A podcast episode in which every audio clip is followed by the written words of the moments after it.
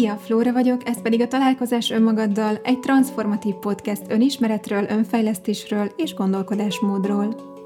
Ma arra a bonyolult, ám valójában mégis pofon egyszerű kérdésre keressük a választ, hogy ki vagy te? Tudod-e a választ, vagy csak azt hiszed, hogy tudod? Tarts velem a mai epizódban, és definiáld újra önmagad.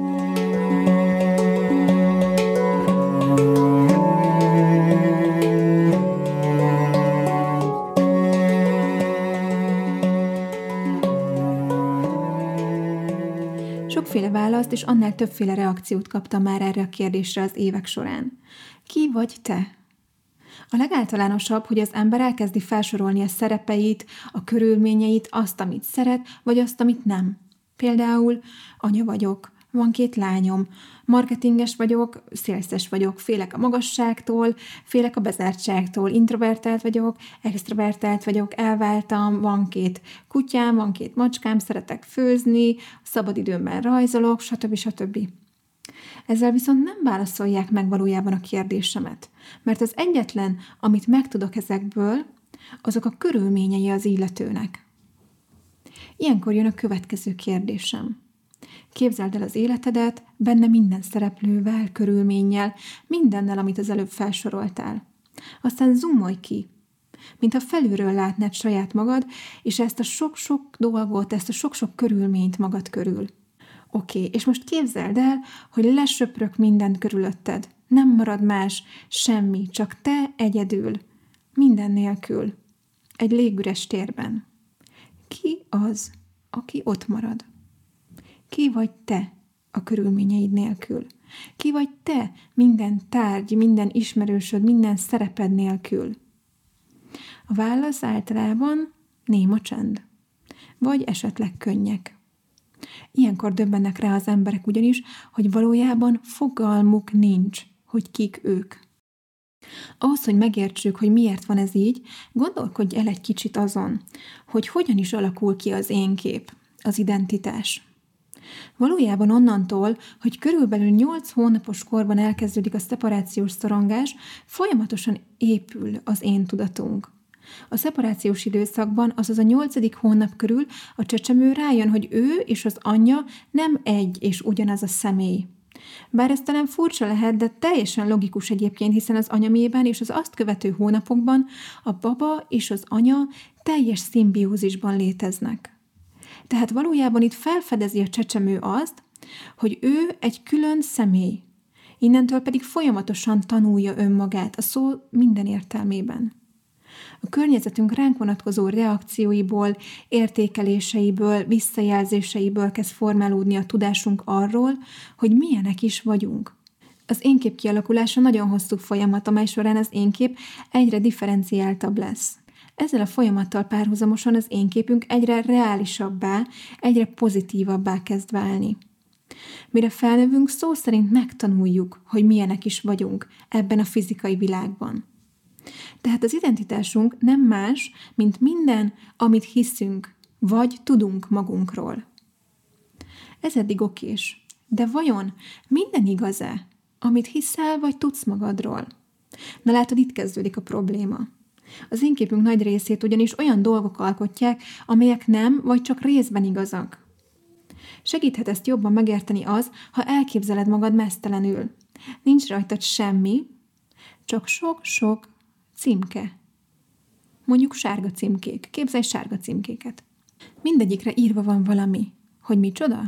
Hát jellemzők. Hogy kerültek oda? Hát, melyik hogy? Voltak olyanok, amiket a szüleitől kaptál, például, hogy szerethető vagy, vagy talán éppen az ellenkezőjét. Vagy hogy tehetséges vagy, például a sportokban. Miért? Hát mert a szüleid is azok voltak, és hát ugye a mi fajtánk, a mi családunk az ilyen. Tehát ez egyenlő az, hogy te is ilyen vagy, hopp, rád ragadt a címke.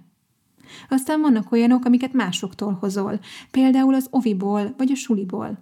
A gyerekek ebben az időszakban elég gonoszak tudnak lenni, szóval lehet, hogy ebből az időszakból olyan címkéket hozol, mint hogy kövér vagy, vagy csúnyák a fogaid, vagy csúnya vagy, te magad, vagy az, hogy buta vagy.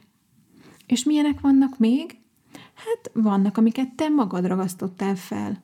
Például, hogy soha nem leszel elég jó. Ez valami olyan, amit következtetésként levontál, például egy olyan helyzetből, hogy megcsalt a párod. Aztán vannak még olyanok is, amiket abból tanultál meg, hogy valamihez viszonyítottad magad. Ha láttad, hogy jobban megy a matek, mint a többieknek, akkor abból megtanultad, hogy jó vagy matekból.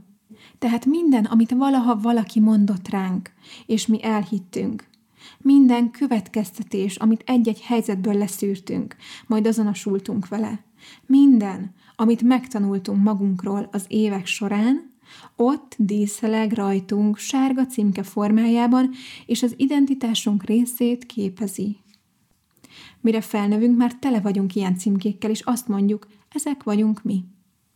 Vannak, akik büszkék erre, amilyenek, vannak, akik sajnálkoznak miatta. Akiknek alacsony az önértékelésük és rossz az én képük, azok sajnos szoronganak miatta, és úgy érzik, hogy ők nem szerethetőek azért, mert olyanok, amilyenek. Ilyen vagyok, mondjuk, mintha ez kőbe lenne vésve.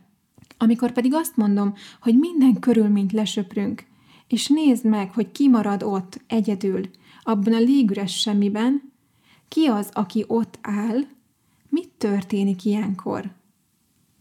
Hát nem tudják. Nem tudnak válaszolni. Hiszen minden, amiből az én képem táplálkozik, a társadalmi normák, a körülményeim, a státuszom, a viszonyítási alapok, a kapcsolataim, amelyek meghatározzák a szerepköreimet, mind-mind eltűntek. És ha nincsenek ott a kapcsolataim, amelyek a szerepeimet meghatározzák, akkor ugye nem vagyok többé senkinek, se apja, se anyja, se gyereke, se barátja, tehát nem tudom többé e szerint definiálni magam. Nem tudom többé, hogy kövér vagyok-e vagy sovány, vagy hogy jó vagyok-e matekból, mert hát ugye mihez képest? Nincs viszonyítási alapom többé, amihez képest definiálhatnám önmagam. És ha nincsenek státuszok, és társadalmi körülmények sem, akkor nem lehetek se jó, se rossz. Nem lehetek kiváló semmiben, hiszen nincs miben. Érted már? Csak azért hiszed, hogy olyan vagy, amilyen, mert azonosultál. Mivel? Perspektívákkal, véleményekkel, nézőpontokkal, jelzőkkel. Néha a sajátoddal, néha másokéval. És amint elveszem a viszonyítási alapot, összedől a kép. Az a nagy sztori, amit magadnak mesélsz arról, hogy ki is vagy. De mi van akkor, ha kapsz a régi helyet egy új viszonyítási alapot? Vagyis új körülményeket. Hát akkor újra definiálhatod önmagad. De vajon ugyanazt a képet kapod, mint ami az előbb összedőlt? Hát nem. És akkor mondhatjuk-e, hogy te ilyen vagy, vagy olyan vagy, hogyha az egész attól függ, hogy mihez viszonyítom? Minden, amit hiszel magadról, illúzió. Nem létezik, csak a fejedben. Vagyis az én kép egy totálisan képlékeny dolog, amit úgy változtatsz, ahogy csak akarsz. Bármikor elkezdheted felülvizsgálni a rajtad sorakozó címkéket. Eldobhatod, amelyik nem tetszik, és dönthetsz úgy, hogy többé nem azonosulsz vele. Hiszen most már érted, hogy az egész egy illúzió, és nem jelent semmit, kivéve, ha te magad jelentést társítasz hozzájuk. Valójában az az igazság, hogy nem csak az én képünk vizsgálatánál van szükségünk viszonyítási alapokhoz. Ahhoz, hogy meghatározhassunk bármit is ebben a világban, kell egy viszonyítási alap. Például mondhatnám-e, hogy valami sötét, ha nem lenne fény? Hát nem. Ahogy fény nélkül nem létezne sötétség, úgy éjjel nélkül nem létezne nappal, és beszéd nélkül nem létezne hallgatás. A világban mindent jellemez ez a kettősség, a pozitív és a negatív, a jó és a rossz, a sötét és a világos, a két pólus. De mit kapsz akkor, ha összeadod ezt a két oldalt? Egészet kapsz. Egységet kapsz. Tehát ahhoz, hogy bármit is vizsgálni lehessen, először ki kell szakadnia ebből az egységből, hogy viszonyítási alapot kaphasson. Így amikor azt mondom, hogy elveszek mindent, és csak te maradsz, akkor többé nem vagy vizsgálható. Ezért nem tudsz válaszolni a kérdésre. És tudod, mi marad ilyenkor valójában? Egység. Ez a válasz a kérdésemre. Egység vagy. Egész vagy. Ez vagy te valójában. A fizikai világban, a kettősség világában pedig mondhatunk rád bármit, attól függően, hogy éppen hová helyezlek, milyen körülmények közé. És ha aztán gondolok egyet, és áthelyezlek máshová, akkor már mást mondanál, mert ugye más lesz a viszonyítási alap. Ettől te még ugyanúgy egység maradsz. Ezzel a záróakorddal búcsúzom, remélve, hogy hazaviszed magaddal a következő történet tanulságát. A mester megkérdezte a tanítványát egy fehér falfelületre mutatva, mit látsz ezen a falon? Semmit, mondta a tanítvány.